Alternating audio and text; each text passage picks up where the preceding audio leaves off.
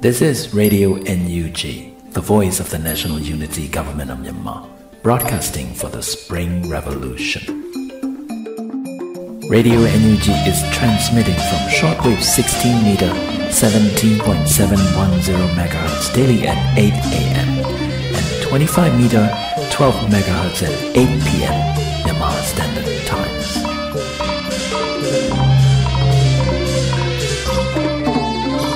ဂလာပါခင်ဗျာအမျိုးသားညီညွတ်ရေးအစိုးရရဲ့အသံလွှင့်ဌာန Radio NUG ကိုမနေ့၈နိုင်မှာ flight meter 16 meter 18.87 MHz ညဘက်မှာ flight meter 25 meter 12 MHz တို့မှာတိုက်ရိုက်ဖမ်းယူနားဆင်နိုင်ပါပြီမင်္ဂလာအပေါင်းနဲ့ပြည့်စုံကြပါစေခုချိန်ကစပြီး Radio NUG အစီအစဉ်လေးကိုဓာတ်ရိုက်အသံလွှင့်ပေးနေပါပြီ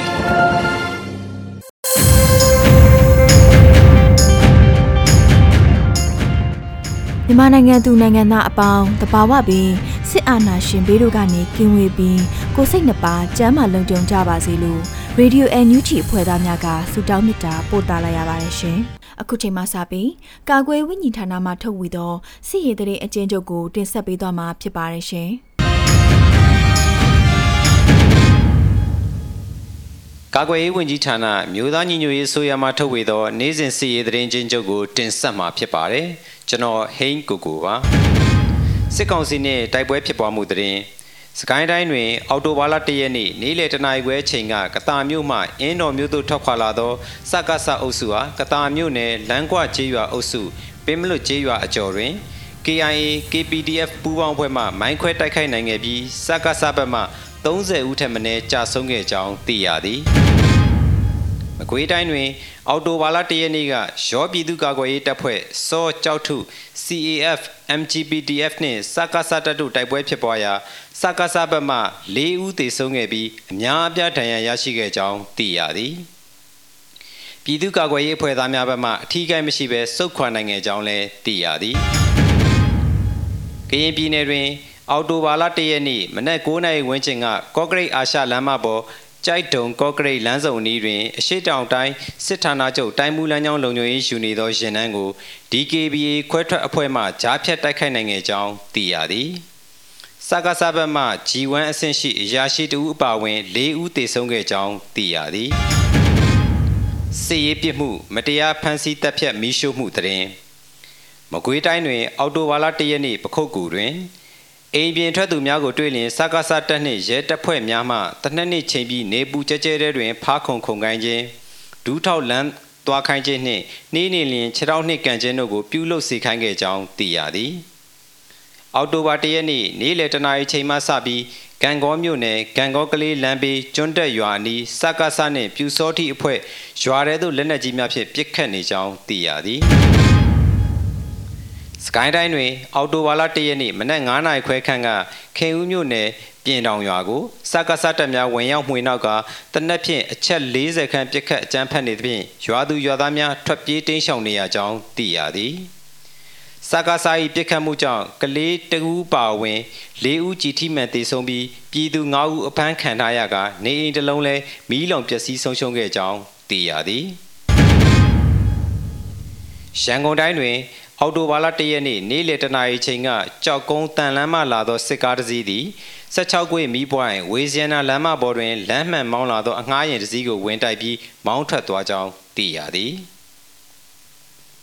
မွန်ပြည်နယ်တွင် အော်တိုဘာလ၁ရက်နေ့ကမွန်ပြည်နယ်ချောင်းစုံမြို့နယ်ဘလူးကျွန်းတွင်မီတာကမပေးသွင်းလျင်မီတာဖြုတ်သိမ်းမည်ဟုစကားဆမှချင်းချောက်ခဲ့ကြောင်းသိရသည်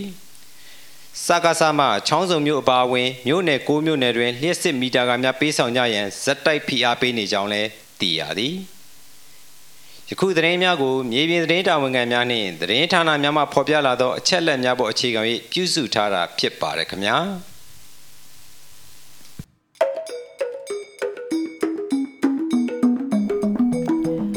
ရေဒီယို NUG မှာဆက်လက်အတန်းလွှင့်နေပါတယ်။ အခုဆက်လက်ပြီးနေ့စဉ်သတင်းများကိုမတ်ထထအင်ဒရာအောင်မှတင်ဆက်ပေးသွားမှာဖြစ်ပါတယ်ရှင်။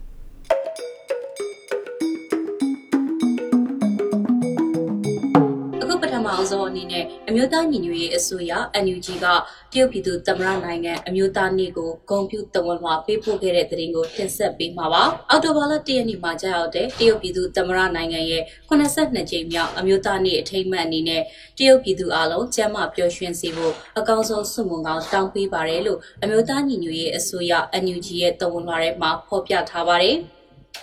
NUG အစိုးရပြည်ထောင်စုဝန်ကြီးချုပ်မန်ဝင်းခိုင်တန်းကဒီကွန်ပျူတာဝန်လွှာကိုစက်တင်ဘာလ30ရက်နေ့ကပေးပို့ခဲ့တာပါတရုတ်ကွန်မြူနတီတော်လှန်ရေးကဝေဖွားပေးလိုက်တဲ့တရုတ်ပြည်သူသမ္မတနိုင်ငံတည်ထောင်ခြင်းဟာတရုတ်ပြည်သူတွေကသူတို့ရဲ့ကံတရားကိုကိုယ်တိုင်ဆုံးဖြတ်ပြီးတမိုင်းခေတ်ကိုဖွင့်လိုက်တဲ့လုပ်ရက်တစ်ခုပါပဲ။ ဒီခေတ်သစ်မှာတရုတ်နိုင်ငံဟာကမ္ဘာကိုလက်လန်းမိတဲ့အောက်ကောင်းတဲ့နိုင်ငံဖြစ်လာပြီးတော့ပြည်သူတွေရဲ့ကြွယ်ဝမှုတဖြည်းဖြည်းတိုးလာတာကိုမှတ်ကြောက်တင်ခံနိုင်လာတာကိုမြင်ရတယ်လို့လည်းဝန်ကြီးချုပ်ကသုံးဝင်လာတဲ့မှာပြောထားပါတယ်။အင်းကြီးချင်းတွေအနေနဲ့မြန်မာနိုင်ငံနဲ့တရုတ်တို့ဟာအားကောင်းပြီးတော့ထူးခြားတဲ့ဆက်ဆံရေးကိုနှစ်ပေါင်းများစွာတည်ထောင်ထားခဲ့ပြီးနှစ်နိုင်ငံလုံးကပြည်သူတွေအတွက်ငြိမ်းချမ်းရေးနဲ့တည်ငြိမ်ရေးရရှိတာသိကြစေဖို့နင်းနီးကက်ကက်ပူးပေါင်းဆောင်ရွက်နေပါတယ်။ လွတ်လပ်ရေးရပြီးမြန်မာပထမအဆုံးဝန်ကြီးချုပ်ဦးနုဟာ1950မှာတရုတ်နဲ့တန်တမန်ဆက်ဆံရေးချက်ချင်းစတင်တည်ထောင်ခဲ့ပြီးတော့နိုင်ငံချင်းချစ်ကြည်ရေးအုံမြစ်ကိုတိစောက်ဖို့တရုတ်ကောင်ဆောင်မော်စီတုံးရဲ့ဖိတ်ခေါ်ချက်အရတရုတ်နိုင်ငံတလွှာခီးဆန်ခဲ့ပါတယ်။မြန်မာအစိုးရနိုင်ငံတော်အတိုင်ပင်ခံပုဂ္ဂိုလ်ဒေါအောင်ဆန်းစုကြည်ဟာလည်း2015ခုနှစ်မှာတရုတ်နိုင်ငံကိုတွားရောက်လဲပတ်ပြီးတော့တရုတ်သမ္မတရှီကျင်းပင်နဲ့ညနေချင်းဆိုင်တွေ့ဆုံဆွေးနွေးခဲ့ပါတယ်လို့ဝန်ကြီးချုပ်ကပြောပါတယ်။ မြန်မာနိုင်ငံအတွင်းငြိမ်းချမ်းရေးကိုထောက်ပံ့ခဲ့တဲ့အတွက်နဲ့မြန်မာပြည်သူတွေအတွက်တရုတ်မြန်မာဆက်ဆံရေးကိုလမ်းဖွင့်ပေးတဲ့တရုတ်အစိုးရရဲ့ဂတိကဝတ်တွေအတွက်အန်ယူဂျီအစိုးရကကျေးဇူးတင်ကြောင်းတရုတ်မျိုးသားနေအခါသမယမှာဖော်ပြလိုက်ပါတယ်။ ချစ်ကြည်ရေးတိုးမြှောင်ဆောင်ရွက်ရမှာတရုတ်နဲ့မိဖက်ဖြစ်ဖို့အန်ယူဂျီအစိုးရကအစဉ်သင့်ရှိနေပြီးတော့အနာဂတ်ကိုမျှဝေထားတဲ့လူအဖွဲ့အစည်းအောင်မြင်ဖြစ်ထွန်းမှုတရုတ်ပြည်သူသမ္မတနိုင်ငံနဲ့အပြန်အလှန်ဆက်ဆံရေးအားဖြည့်ဖို့ဆက်လက်ပြီးတော့ကတိပြုကျင်းပါတယ်လို့တဝန်လာထဲမှာဖော်ပြထားတာကိုတွေ့ရပါတယ်။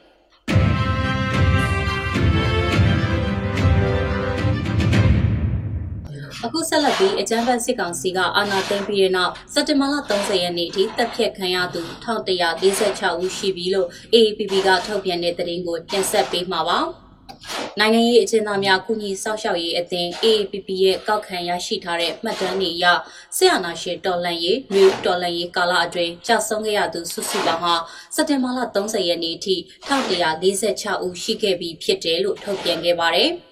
ဒီရေအတွက်ဟာ AAPP ကကောက်ယူရရှိတဲ့အရေးအတွက်ဖြစ်ပြီးတော့အမှန်တကယ်ကြဆုံးသွားသူကတော့ဒီထက်ပိုနိုင်ပြီးထပ်မံပြီးတော့အချက်လက်ကောက်ယူရရှိပါကလည်းဆက်လက်ထည့်သွင်းဖော်ပြပေးသွားမယ်လို့သိရပါတယ်။နိုင်ငံရေးအကျဉ်းသားများကုညီဆောက်ရှောက်ရေးအသင်း AAPP ရဲ့မှတ်တမ်းပြုချက်တွေအရဖေဖော်ဝါရီ၁ရက်နေ့ကနေပြီးတော့စက်တင်ဘာ22ရက်နေ့အထိဖမ်းဆီးချုပ်နှောင်ခံရသူစုစုပေါင်း6922ဦးရှိပြီးတော့အဲ့ဒီထဲက312ဦးဟာထောင်ဒဏ်ချမှတ်ခြင်းခံထားရပါတယ်။ ပြည်နယ်ကြခံရသူတွေထဲမှာအသက်18နှစ်အောက်ကလေး2ဦးပါဝင်တယ်လို့26ဦးဟာတော့တည်တဲ့ချမှတ်ခံထားရပါတယ်။ဒါအပြင်ဖော်ရန်ထုတ်ခံထားလို့တိန့်ရှောင်နေရသူ1989ရှိပြီးတည်တံချမှတ်ခြင်းခံထားသူ39ဦးအပါအဝင်118ဦးဟာမျက်ွယ်ပြည်တံချမှတ်ခြင်းခံထားရပါတယ်။ဒါကြောင့်တည်တံချမှတ်ခံထားသူစုစုပေါင်း65ဦးရှိပြီးဖြစ်တယ်လို့သိရပါတယ်။ ဆရာနာရှင်စန့်ကျင်ရေးမှာပါဝင်ခဲ့ကြတာကြောင့်ဖေဖော်ဝါရီလတည်းကဖမ်းဆီးခြင်းခံထားရတဲ့အမျိုးသားဒီမိုကရေစီအဖွဲ့ချုပ် NLD ပါတီဝင်ရခိုင်ပြည်နယ်ဂွားမြို့နယ်ပြည်သူ့လွှတ်တော်ကိုယ်စားလှယ်ဦးရဲခေါင်ညောဂွားမြို့မြို့မရက်ကွက်အုပ်ချုပ်ရေးမှူးဟောင်းဦးလူနီခေါ်ဦးစိုးလိုက်နဲ့ဂွားမြို့ကဦးအောင်စိုးမင်းတို့ဟာစက်တင်ဘာလ29ရက်နေ့မှာထောင်ဒဏ်အသီးသီးချမှတ်ခြင်းခံရပါတယ်။ ဦးရဲကောင်ညွန့်ကရာဇသက်ကြီးပုံမှ905ခခွေးနဲ့ထောင်ဒဏ်2နှစ်တဘောဘေးရည်ရဲ့ဆိုင်ရာစီမံခန့်ခွဲမှုဥပဒေပုံမှ30ကကြီးနဲ့ထောင်ဒဏ်3လ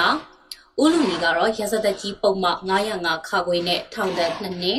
ဦးအောင်စိုးမင်းကတော့တဘောဘေးရည်ရဲ့ဆိုင်ရာစီမံခန့်ခွဲမှုဥပဒေပုံမှ30ကကြီးနဲ့ထောင်ဒဏ်9လစသဖြင့်အတီးတီးဖြစ်တဲ့ချမှတ်ခြင်းခံခဲ့ရတယ်လို့ထုတ်ပြန်ချက်မှာပါရှိပါတယ်။ စက်တင်ဘာ29ရက်ညပိုင်းကမကွေးတိုင်းဒေသကြီးပေါ့မြို့မှာအာနာဖီဆန်ရေးလှုပ်ရှားမှု CDN ပြုလုပ်ထားတဲ့ရဲတပ်သားကိုနေဝင်းဟာလက်ဖက်ရည်ဆိုင်ထိုင်နေစဉ်မှာဖမ်းဆီးခံခဲ့ရကြောင်းလည်းဖော်ပြထားပါတယ်။နိုင်ငံရေးအကျဉ်းသားများကုညီဆောက်ရှောက်ရေးအသင်း AAPP ကလက်ရှိအခြေအနေတွေကိုလေ့ကျင့်စောင့်ကြည့်မှတ်တမ်းတင်သွားမှာဖြစ်ပြီးတော့ဆရာနာသိမ်းမှုနဲ့ပတ်သက်လို့ဖမ်းဆီးတရားစွဲဆိုပြည်ထောင်ချမှတ်ခြင်းခံထားသူတွေရဲ့စာရင်းကိုနေ့စဉ်ထုတ်ပြန်ပေးနေတာဖြစ်ပါတယ်။ ဖမ်းဆီးထိန်းသိမ်းတရားစွဲခံရခြင်းနဲ့လူဦးတော်လှန်ရေးအတွင်းကြာဆုံးသွားသူတွေရှိပါက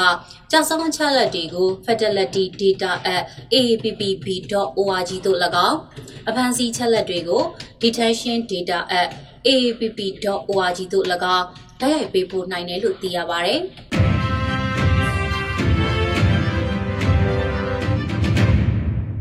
ဆက်လက်ပြီး NUG အစိုးရဩစတြေးလျနိုင်ငံဆိုင်ရာကိုယ်စားလှယ်ရုံးရဲ့ကောင်ဆယ်လာဆက်ရှင်ကဩစတြေးလျမြန်မာကျောင်းသားလူငယ်တွေအတွက်ဗီဇာနဲ့ပတ်သက်တဲ့သတင်းအချက်အလက်တွေကိုအောက်တိုဘာလ၁ရက်နေ့မှာအကြံပြုဆွေးနွေးပေးသွားမယ့်သတင်းကိုတင်ဆက်ပေးမှာပါ။အမျိုးသားညီညွတ်ရေးအစိုးရကနိုင်ငံအသီးသီးမှာကိုယ်စားလှယ်များခန့်အပ်နိုင်ရန်ကြိုးစားလျက်ရှိရာမှာဩစတြေးလျနိုင်ငံဆိုင်ရာအမျိုးသားညီညွတ်ရေးအစိုးရကိုယ်စားလှယ်အဖြစ်ဒေါက်တာထွန်းအောင်ရွှေကို2021ခုနှစ်ဇူလိုင်လ19ရက်နေ့မှာခန့်အပ်ခဲ့ပါတယ်။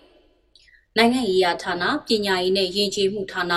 အတိုင်းအငံဌာနနဲ့အတွင်းရေးမှုဌာနဆိုပြီးဌာန၄ခုနဲ့ဖွဲ့စည်းဆောင်ရွက်လျက်ရှိပြီးတော့ကောင်ဆယ်လာဆက်ရှင်ကဩစတြေးလျမှာကျောင်းလာတက်မဲ့လူငယ်တွေအတွက်ဗီဇာနဲ့ပတ်သက်တဲ့အချက်အလက်တွေကိုအော်တိုဘာလ၁ရက်နေ့မှာအကြံပြုဆွေးနွေးပေးသွားမှာဖြစ်တယ်လို့သိရပါဗျ။2021ခုနှစ်အတွင်းဩစတြေးလျမှာလာရောက်ပညာသင်ကြားနေတဲ့မြန်မာကျောင်းသားကျောင်းသူစုစုပေါင်း3000ကျော်ရှိကြောင်းဩစတြေးလျအစိုးရရဲ့စီရင်စရာများအရသိရပါဗျ။ ဩစတြေးလျရောက်မြန်မာကျောင်းသားကျောင်းသူတွေအနေနဲ့ဩစတြေးလျနိုင်ငံမှာဥရေနဲ့အညီဆက်လက်နေထိုင်ဖို့စီစဉ်ကြရမှာအဆင်မပြေမှုတွေရှိနေကြတဲ့ဆိုတဲ့သတင်းတွေလည်းကြားသိနေရပါတယ်။ဒါအပြင်အစိုးရဝန်ထမ်းပညာတော်သင်အစုအဖွဲ့ကတော့စေအုပ်စုကိုကိုစားပြုနေတဲ့တန်ယုံကဖိအားပေးမှုတွေကိုခံနေရတယ်ဆိုတာလည်းကြားသိနေရပါတယ်။ဒီလိုအခြေအနေတွေကြောင့်မြန်မာကျောင်းသူကျောင်းသားတွေရင်ဆိုင်ကြုံတွေ့နေရတဲ့အခြေအနေကိုကြည်ကြည်ပြန့်ပြန့်သိရှိနိုင်အောင်လို့2021ခုနှစ်စက်တင်ဘာ18ရက်နေ့မှာ NUG အစိုးရဩစတြေးလျနိုင်ငံဆိုင်ရာကိုယ်စားလှယ်ရုံးကမြန်မာကျောင်းသားကျောင်းသူတွေနဲ့တွေ့ဆုံပွဲတရက်ကိုအွန်လိုင်းကနေပြီးတော့ကျင်းပပြုလုပ်ခဲ့ပါတယ်။ ဒီတွေ့ဆုံပွဲကိုတော့168ဦးမှတ်ပုံတင်ခဲ့ပြီးတော့68ဦးတက်ရောက်ခဲ့ပါတယ်။အဆိုပါတွေ့ဆုံပွဲကနေတဆင့်ကျောင်းသူကျောင်းသားများယနေ့ရင်ဆိုင်နေရတဲ့အခက်အခဲတွေကိုပုံမပြီးတော့သိရှိလာခဲ့ရပါတယ်။ဩစတြေးလျအစိုးရကစီစဉ်ပေးထားတဲ့အစီအစဉ်ကိုကောင်းစွာနားမလည်တဲ့အတွက်အဆင်မပြေမှုတွေစိတ်ဖိစီးမှုတွေရှိနေကြရတဲ့အခြေအနေကိုပို့ပြီးတော့ကြဲကြဲပြန့်ပြန့်နက်နက်ရှိုင်းရှိုင်းသိရှိခဲ့ရပါတယ်။ ဒီအခြေအနေတွေကြောင့်ဩစတြေးလျနိုင်ငံမှာ immigration law အနေနဲ့မှတ်ပုံတင်ထားပြီး NUG အစိုးရရဲ့ဩစတြေးလျနိုင်ငံဆိုင်ရာကိုယ်စားလှယ်ရုံးရဲ့ counselor section အတွက်အကြံပေးအနေနဲ့ဆောင်ရွက်ပေးနေသူဦးကိုကိုအောင်နဲ့တိုင်ပင်ပြီးတော့ student visa information section ကိုအောက်တိုဘာ2ရက်နေ့မှာထပ်မံစီစဉ်ပြုလုပ်ပေးထားတာဖြစ်ပါတယ်။ ဒီလိုဆောင်ရွက်ပေးမှုဟာတနည်းအားဖြင့် NUG အစိုးရဟာပြည်ပရောက်ကိုနိုင်ငံသားတွေရဲ့အရေးကိုအလေးထားတဲ့တာဝန်ယူမှုတာဝန်ခံမှုရှိစွာနဲ့အလုပ်လုပ်ပေးနေတယ်ဆိုတာကိုဩစတြေးလျနိုင်ငံနိုင်ငံသားရေးဝန်ကြီးဌာန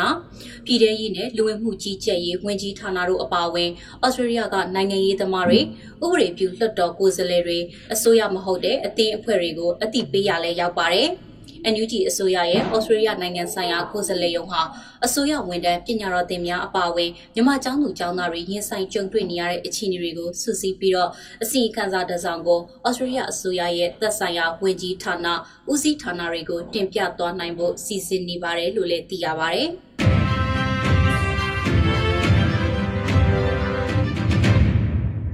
ဆက်လက်ပြီးအောင်လန်လွှင့်ချီနွေဦးထီဖွင့်လှစ်ပြီးဖြစ်ပြီးတော့ထီပေါက်စင်မှာထီတိုက်နိုင်ပြီဆိုတဲ့သတင်းကိုတင်ဆက်ပေးပါမယ်။အောင်လန်လွှင့်ချီနွေဦးထီကန်တူးခဲ့သူ85ဦးရဲက62ဦးဟာစုကြီးငွေတွေကိုပြန်လည်ထူထမ်းဖို့စာနာပြုထားတဲ့သူတွေဖြစ်တယ်လို့နွေဦးထီမိသားစုကထုတ်ပြန်ပါတယ်။ လူဦးထီ pilot project အတွက်ကန်တူးရှင်တွေကိုစီမံကိန်းဗန်နာရေးနဲ့ယင်းနှမြုံနယ်မှုဝန်ကြီးဦးတင်ထွန်းနိုင်ကကွန်ပျူတာနဲ့ဂျပန်ရွေးချယ်ခြင်းစနစ်ကိုအောက်တိုဘာလ၁ရက်နေ့မှာရွေးချယ်ခဲ့ရမှာကန်ထူးသူ85ဦးရှိခဲ့တာပါ။လူဦးထီရောင်းရငွေရဲ့30ရာခိုင်နှုန်းအပေါ်ကန်ထူးရှင်ရွေးချယ်ခဲ့တာလည်းဖြစ်ပါတယ်။ထီစုငွေအထူးစုဟာကျပ်ငွေ15သိန်းဖြစ်ပါတယ်။ စုကြီးငွေပြန်လည်ထူထမ်းကြသူတွေကိုအမျိုးသားညီညွတ်ရေးအစိုးရစီမံကိန်းဗန်ဒါရေးနဲ့ရင်းနှီးမြှုပ်နှံမှုဝန်ကြီးဌာနက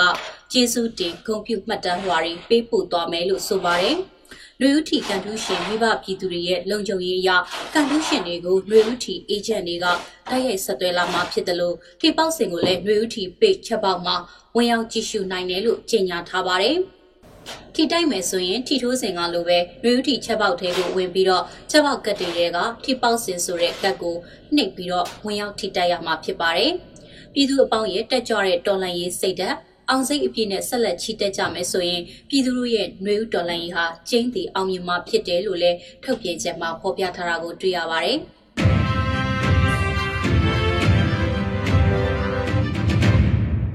အခုနောက်ဆုံးအနေနဲ့မြန်မာနိုင်ငံတဝန်ကလူမျိုးပေါင်းစုံဘာသာပေါင်းစုံပါဝင်တဲ့ဆရာနာရှင်အမြင့်ပြည့်ချေမုံရေးလူလူဆန္ဒပြပွဲရဲ့အကြောင်းကိုစုစည်းတင်ဆက်ပေးမှာဖြစ်ပါတယ်။စကိုင်းတိုင်းရွှေဘုံမြို့ကျေးရွာတေရွာကတော်လိုက်ចောင်းသားပြည်သူတွေဥဆောင်တဲ့တပိတ်ဖွဲ့ဟာအန်ယူဂျီအစိုးရကိုထောက်ခံကြောင်းနဲ့အကြံဖက်စစ်တပ်အမြင့်ဖြုတ်ရေးကျေးရွာတွင်ချီတက်ဆန္ဒပြခဲ့ပါတယ်။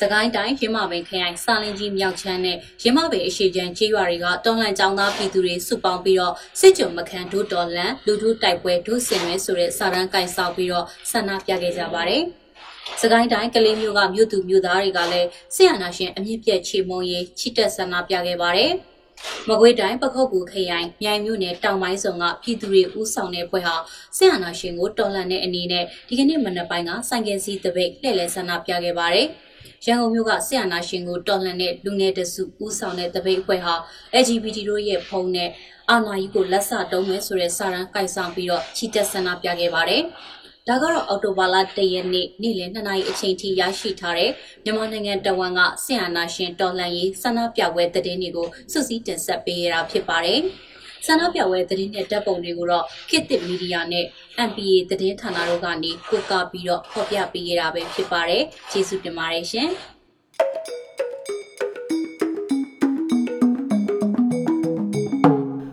ရေဒီယိုအန်ယူဂျီမှာဆက်လက်အတန်းလွှင့်နေပါတယ်။အခုဆက်လက်ပြီးတေးဂီတာအစီအစဉ်အတွက်လူပီတာကျင်လို့ဆိုတဲ့တခြင်းတစ်ပုဒ်ကိုတင်ဆက်ပေးမှာဖြစ်ပါတယ်ရှင်။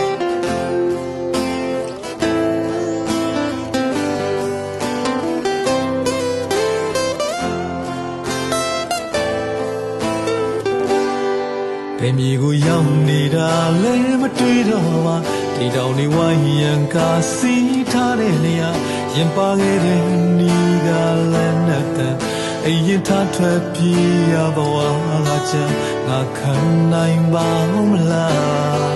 အိမ်မှာဆိုရင်တွေချိုင်စားပြတဲ့ကျွန်တော်မော်ရလူမွေးချိုင်တည်တာဝတ်တဲ့ကျွန်တော် တမင်ကြံခဲ့နဲ့ငါပြီးတစ်ခွက်ချင်းနေညူချချင်းကိုက်ပြုတ်ကိုက်သေးဝဲစားခဲ့ဒီခဏခံနိုင်မမလားအမနွေတဲ့တာတိုင်းပြီးတွမင်းပြီးစတာပဲမို့ငါတို့ပြည်သူရဲ့မျက်ရည်တွေတွေ့နိုင်ရမှာဖြစ်မှာမို့ အိမ်ဝေးကစိတ်ပူနေတဲ့ပြမီနဲ့ပေါင်းနှမတွေကိုလွမ်းတယ်စင်နာသူစနီတလျာထွက်တောင်မကြည့်နိုင်သေးအသမီးလေးကိုလွမ်းတယ်ဒီနေရာမှာရှိတဲ့သူကမိသားစုရဲ့ပမာမထားရဲ့ငါတို့တွေ့တော့ရဲ့ဘောပြောရမှာမနေတော်ရနေရင်ချိုးသာနေပါမယ်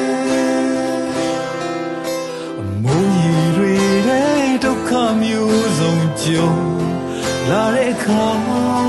ညော်လင်းနေတဲ့ပြည်သူများတွန်းငါအားတင်လာ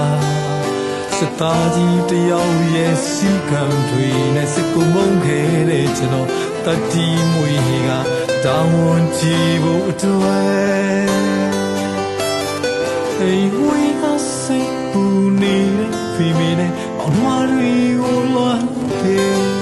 ကျွန်တော်တို့စနီတလျာထွက်တာဝမချီနိုင်လေအသင်းလေးကိုလွန်တယ်အိမ်ဝေးကစိတ်ပူနေတဲ့ဖီမီနဲ့မောင်နှမတွေကိုလွန်တယ်ကျွန်တော်တို့စနီတလျာထွက်တာဝမချီနိုင်လေအသားလေးကိုလွန်တယ်ဒီနေရာမှာရှိတဲ့သူကမိသားစုရဲ့ပမာမထားရ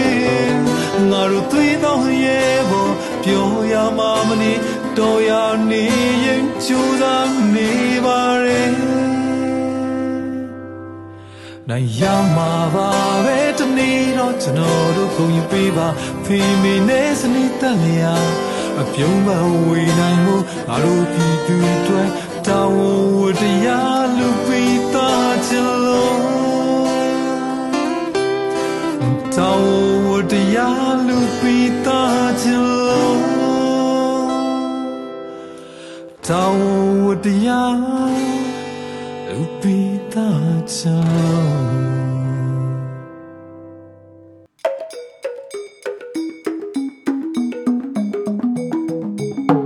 ရေဒီယို NUG မှာဆက်လက်အတန်းလွှင့်နေပါတယ်။အခုဆက်လက်ပြီးမျက်နှိုးအေးရဲ့တည်င်းလာခြင်းလာအစီအစဉ်ကိုတင်ဆက်ပေးမှာဖြစ်ပါတယ်ရှင်။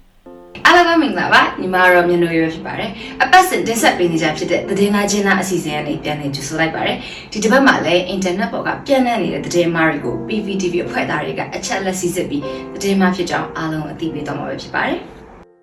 ဒီတစ်ပတ်ပြပြပေးခြင်းတဲ့သတင်းအမှားအကြောင်းအရာတွေကတော့အကြမ်းဖက်မှုများအတွက်ဒေါ်အောင်ဆန်းစုကြည်ကတာဝန်ရှိကြောင်း NLD တဘာပတိအဖွဲ့ဝင်ဦးဝင်းထိန်ကပြောကြားရဲဆိုပြီး Photoshop နဲ့ပြုပြင်ထားတဲ့သတင်းစာဖြစ်ပိုင်းပုံစံနဲ့ဖြန့်နေတဲ့သတင်းအမှားအကြောင်း ထိုင်းနိုင်ငံအနောက်ပိုင်းကန်ချနာဘူရီခရိုင်အတွင်း KNLA တပ်မဟာဘက်မှထွက်ပြေးလာတဲ့ PDF 22ဦးကိုဖမ်းဆီးရမိတယ်ဆိုပြီးဖြန့်နေတဲ့သတင်းမှအကြောင်းအရာနဲ့ PDF အဖွဲ့ဝင်တွေကိုလက်နက်တွေနဲ့ဖမ်းမိတယ်ဆိုပြီးအရင်တုန်းကပုံတွေကိုအသုံးပြုပြီးဖြန့်နေတဲ့သတင်းမှအကြောင်းအရာတွေပဲဖြစ်ပါတယ်။ အရင်ဆုံးပြောပြပေးခြင်းတဲ့သတင်းမှာတော့အကြမ်းဖက်မှုများအတွက်ဒေါ်အောင်ဆန်းစုကြည်ကတာဝန်ရှိကြောင်း NLD တဘာပတိအဖွဲ့ဝင်ဦးဝင်းထိန်ကပြောကြားရတယ်ဆိုပြီး Photoshop နဲ့ပြုပြင်ထားတဲ့သတင်းစာဖြတ်ပိုင်းပုံစံနဲ့ဖြန့်နေတဲ့သတင်းမှာအကြောင်းအရာတွေပဲဖြစ်ပါတယ်။အဲ့ဒီသတင်းမှာတော့အကြမ်းဖက်စစ်ကောင်စီကိုအားပေးထောက်ခံနေကြတဲ့ account တွေ group တွေ page တွေကနေပြီးတော့ဖြန့်ဝေနေကြတာပဲဖြစ်ပါတယ်။ အဲ့ဒီသတင်းမှားထဲမှာပါဝင်တဲ့အကြောင်းအရာကတော့ပုံမှန်124ကကြီးဖြစ်တရားစွဲဆိုခြင်းခံထားရတဲ့အမျိုးသားဒီမိုကရေစီအဖွဲ့ချုပ်တပါပတိအဖွဲ့ဝင်ဦးဝင်းထိန်အားယမန်နေ့ကနေပြီးတော့အုတ်တရခေတရားရုံး၌ရုံထုတ်စစ်ဆေးအပြီးမှာကျွန်တော်လည်းအသက်80ပြည့်ရောမယ်အေးအေးချမ်းချမ်းနေချင်ပြီဗျာထောင်တွေတန်းတွေလည်းအကြောက်မခံချင်တော့ဘူးအစိုးရသက်တည်အဖြစ်နဲ့ကျွန်တော်သိထားသမျှတွေထွက်ဆိုပေးချင်တယ်အဓိကမဲကိစ္စပေါ့မဲမခိုးခဲ့ရင်တမ်မတော်ကလည်းအာဏာသိမ်းမှာမဟုတ်ဘူးလေ အခုကအတိုင်းပြည်အခြေအနေမကောင်းဘူး CIA ချေရှုပ်ခဲ့တာလည်းပါတယ်ကျွန်တော်ဒါတော့ကျွန်တော်ကိုစိတ်ဆိုးတယ်ဒါကြောင့် Australia ကိုကျွန်တော်ထွက်သွားခဲ့တာနိုဘယ်ငြိမ်းချမ်းရေးဆုကိုပိုင်ဆိုင်ထားတဲ့ဒေါ်အောင်ဆန်းစုကြည်အနေနဲ့လည်းအကြမ်းဖက်တဲ့လုပ်ရက်တွေကိုတားဆီးတဲ့နဲ့အလူတူနေလို့မတားတာလည်းဖြစ်ချင်းဖြစ်မှာပေါ့တရားရုံးကိုဦးတိုက်လျှောက်သွားမှာပါလို့ရေးသားပြီးသတင်းစာဖြတ်ပိုင်းပုံစံ Photoshop နဲ့ပြုပြင်ဖန်တီးထားတာပဲဖြစ်ပါတယ် အချက်လက်စစ်ဆေးချက်များအရဒီလိုမျိုးစကားတွေကိုဦးဝင်းထိန်ကပြောကြားခဲ့တဲ့ဆိုတော့ခိုင်မာတဲ့အထောက်အထားကိုသတင်းမီဒီယာဌာနတွေမှာလည်းဖော်ပြထားခြင်းမရှိပါဘူးရှင်။အရင်အပတ်တုန်းကလည်းဒေါ်အောင်ဆန်းစုကြည်က NUG ရဲ့အကြမ်းဖက်လုပ်ရက်တွေကိုမနစ်သက်ဘူးဆိုတဲ့အကြောင်းကိုအခုလိုမျိုးပုံစံတူပဲသတင်းစာဖြတ်ပိုင်းပုံစံနဲ့သတင်းမားတွေဖြန့်ဝေခဲ့ပူပါတယ်။တကယ်တော့ကျမတို့နိုင်ငံမှာဒီနေ့ဖြစ်ပေါ်နေတဲ့အကြမ်းဖက်မှုအားလုံးအတွက်တာဝန်အရှိဆုံးသူတွေကဘယ်သူလဲဆိုရင်တခြားအောင်မကြည့်ပါနဲ့။မြဝတီရုပ်တံနိုင်တာညနေရောက်ရင်ဖွင့်ကြည့်လိုက်ပါ။ အောက်တက်မတော်ကြီးလဲခြီလာပါပြီဆိုတော့အကြမ်းဖက်မာစတာကြီးတို့တွေ့ရပါလိမ့်မယ်ရှင်။ဒါကြောင့်အကြမ်းဖက်မှုများအတွက်ဒေါ်အောင်ဆန်းစုကြည်ကတာဝန်ရှိကြောင်း NLD တဘာပတိအဖွဲ့ဝင်ဦးဝင်းထိန်ကပြောကြားရဲဆိုပြီးတော့သတင်းစာဖြတ်ပိုင်းပုံစံနဲ့ဖြန့်နေတဲ့သတင်းတွေကသတင်းအတူသတင်းမှာပဲဖြစ်ပါတယ်ရှင်။ဒီ လိုမျိုးသတင်းတွေကိုတွေ့ခဲ့မယ်ဆိုရင်ယုံကြည်စိတ်ချရတဲ့သတင်းမီဒီယာဌာနတွေရဲ့ Facebook စာမျက်နှာတွေနဲ့ website တွေမှာအရင်ဆုံးတွားရောက်ရှာဖွေစစ်ဆေးပြီးမှယုံကြည်ကြဖို့လည်းတိုက်တွန်းချင်ပါတယ်ရှင်။ နောက်ထပ်ပြပြပေးခြင်းတဲ့သတင်းမှာတစ်ပုဒ်ကတော့ထိုင်းနိုင်ငံအနောက်ပိုင်းကန်ရှနာပူရီခရိုင်အတွင်း KNLA တပ်မဟာဘက်မှထွက်ပြေးလာတဲ့ PDF 22ဦးကိုဖမ်းဆီးရမိတယ်ဆိုပြီးတော့ဖြန့်နေတဲ့သတင်းမှာအကြောင်းအရာပဲဖြစ်ပါတယ်။အဲ့ဒီသတင်းမှာအကြောင်းအရာကိုတော့ကိုခန့်ဆိုတဲ့ Telegram channel အပါအဝင်တခြားစစ်အုပ်စုကိုထောက်ခံအားပေးနေတဲ့ Telegram တွေနဲ့ Facebook account တွေကနေဖြန့်နေကြတာပဲဖြစ်ပါတယ်။အဲ့ဒီသတင်းမှာထဲမှာပါဝင်တဲ့အကြောင်းအရာတွေကတော့ထိုင်းနိုင်ငံအနောက်ပိုင်းကန်ချနာဘူရီ KI အတွင်း KNLA တပ်မဟာဘက်မှထွက်ပြေးလာသည့် PDF 22ဦးကိုဒီနေ့မနက်ပိုင်းမှာဖမ်းဆီးလိုက်ပါတယ်။ကိုဦးထွက်ပြေးသူများ73ဦးစစ်ဆေးစေဖမ်းဆီးရမိသောအမျိုးသမီးများ၏ထွက်ဆိုချက်အရတပ်မဟာလေးတွင် HZ အမျိုးသမီး900ကျော်အဒမကျင့်တပ်ဖြတ်ခံရကြောင်း GX အမျိုးသား900ကျော်ကိုလည်း KNU မှတရှိုးဦးဆွဆွဲပြီးတပ်ဖြတ်ထားကြောင်းထွက်ဆိုကြသည်ဆိုပြီးရေးသားထားတာပဲဖြစ်ပါတယ်။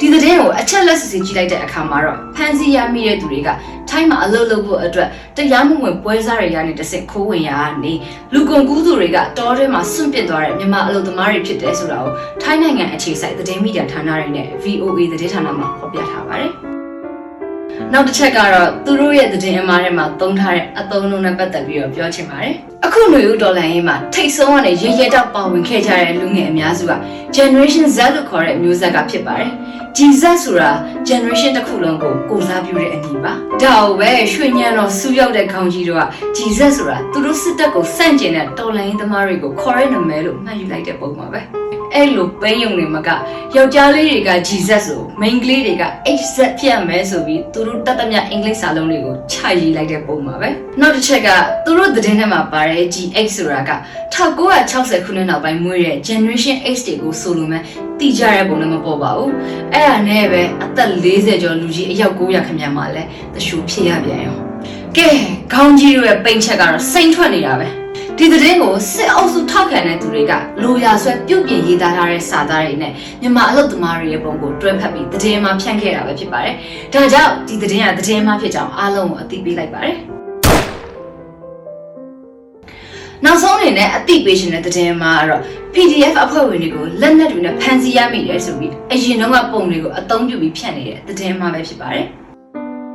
အဲ့ဒီသတင်းမှာကိုအကြံပေးစစ်ကောင်စီကိုအားပေးထောက်ခံနေတဲ့အကောင့်တွေကရေးသားဖြန့်ဖြူးနေကြတာဖြစ်ပြီးတော့အဲ့ဒီသတင်းမှာရေးသားထားတာကတော့အကြံပေး PDF များနဲ့လက်နက်များဖမ်းမိ စစ်ဆေးနေစေမှုအပြည့်စုံမဖော်ပြနိုင်ဆိုပြီးတော့ရေးသားထားတာပဲဖြစ်ပါတယ်ဒီသတင်းမှာအသုံးပြုထားတဲ့ပုံတွေကို Google Reverse Image Search နဲ့အချက်လက်စစ်ဆေးကြည့်လိုက်တဲ့အခါမှာတော့ဓာတ်ပုံတွေက2019ခုနှစ် November 19ရက်နေ့ကရခိုင်တပ်တော် AA ကပလောဝမြို့နယ်ထဲမှာလက်ရဖမ်းဆီးရမိခဲ့တဲ့အကြမ်းဖက်စစ်ကောင်စီတပ်ဖွဲ့ဝင်73ဦးရဲ့ပုံတွေဖြစ်နေတယ်ဆိုတာကိုတွေ့ရှိရပါတယ်။အသုံးပြုထားတဲ့လက်နက်ပုံတွေကလည်းရှမ်းပြည်နယ်မြောက်ပိုင်းမွန်ဂိုတိုက်ပွဲမှာ MNDAA ကိုကန်တက်ကတင်စီရရှိခဲ့တဲ့စစ်ကောင်စီလက်အောက်ခံခမာရ905တပ်ရင်းကလက်နက်ခဲယမ်းနဲ့အသုံးဆောင်ပစ္စည်းတွေကိုဩဂတ်31ရက်နေ့ရက်စွဲနဲ့ကိုကန့်သတင်းဌာနကထုတ်ပြန်ခဲ့တဲ့သတင်းအပုံတွေပဲဖြစ်ပါတယ်။ဒါကြောင့်အကြမ်းဖက်စစ်ကောင်စီကိုအားပေးထောက်ခံတဲ့အကောင့်တွေဖြန့်နေကြတဲ့အကြမ်းဖက် PDF နဲ့လက်နက်များဖမ်းဆီးရမိတယ်ဆိုပြီးလက်နက်တွေနဲ့ဖြန့်နေတဲ့သတင်းကသတင်းမှာပဲဖြစ်ပါတယ်။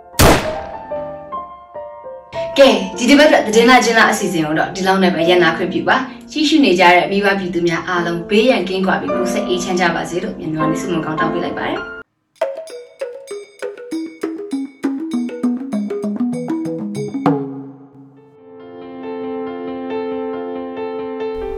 ရေဒီယို NUG မှဆက်လက်အသံလွှင့်နေပါတယ်။အခုဆက်လက်ပြီးကြပြဆရာမျိုးတေစာမောင်ရဲ့မြင်သားဆိုတဲ့ကြပြကိုဖတ်ကြားတင်ဆက်ပေးမှာပဲဖြစ်ပါတယ်ခင်ဗျာ။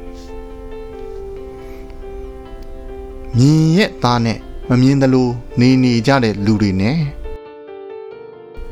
မမြင်ရဲ့လို့မမြင်သလိုနေနေကြတဲ့လူတွေနဲ့မြင်နေတာတောင်မမြင်ရသလို မခံစားတတ်ကြသူတွေနဲ့မြင်ရဲ့လားတိုင်းပြည်ရဲ့သားလေးတွေမြင်သားဟာအမြင်မားစရာမဟုတ်ဘူးမြင်သားဟာမြင်သာတဲ့ရက်ရက်ဆက်ဆက်သမိုင်းပဲမြင်သားကိုမြင်ကြ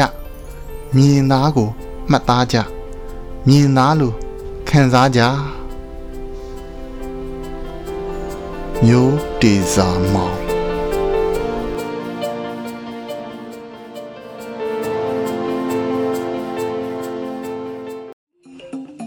ဒီကနေ့တော့ဒီညနဲ့ပဲ Radio NUG အစီအစဉ်လေးကိုခਿੱတရန်နာလိုက်ပါမယ်မြန်မာစံတော်ချိန်မနေ့၈နာရီညနေ၈နာရီတို့မှာပြန်လည်တွေ့ဆုံကြပါစို့ Radio NUG ကိုမနေ့၈နာရီမှာလိုင်းဒိုမီတာ16မီတာ19.87 MHz ညဘက်မှာလိုင်းဒိုမီတာ25မီတာ12 MHz တို့မှာတိုက်ရိုက်ဖမ်းယူနားဆင်နိုင်ပါပြီမြန်မာနိုင်ငံသူနိုင်ငံသားများကိုယ်စိတ်နှပြချမ်းမာချမ်းသာလို့ဘေးကင်းလုံခြုံကြပါစေလို့ Radio NUG အဖွဲ့သူအဖွဲ့သားများဆုတောင်းပေးလိုက်ပါတယ်အမျိုးသားညီညွတ်ရေးအစိုးရရဲ့ဆက်သွယ်ရေးသတင်းအချက်အလက်နဲ့ဤပညာဝန်ကြီးဌာနကထုတ်လွှင့်နေတဲ့ Radio NUG ဖြစ်ပါတယ် San Francisco Bay Area ခြေဆိုင်မြန်မာမိသားစုများနဲ့နိုင်ငံတကာကစေတနာရှင်များလုံအားပေးများရဲ့ Radio NUG ဖြစ်ပါတယ်အရေးတော်ပုံအောင်ရမည်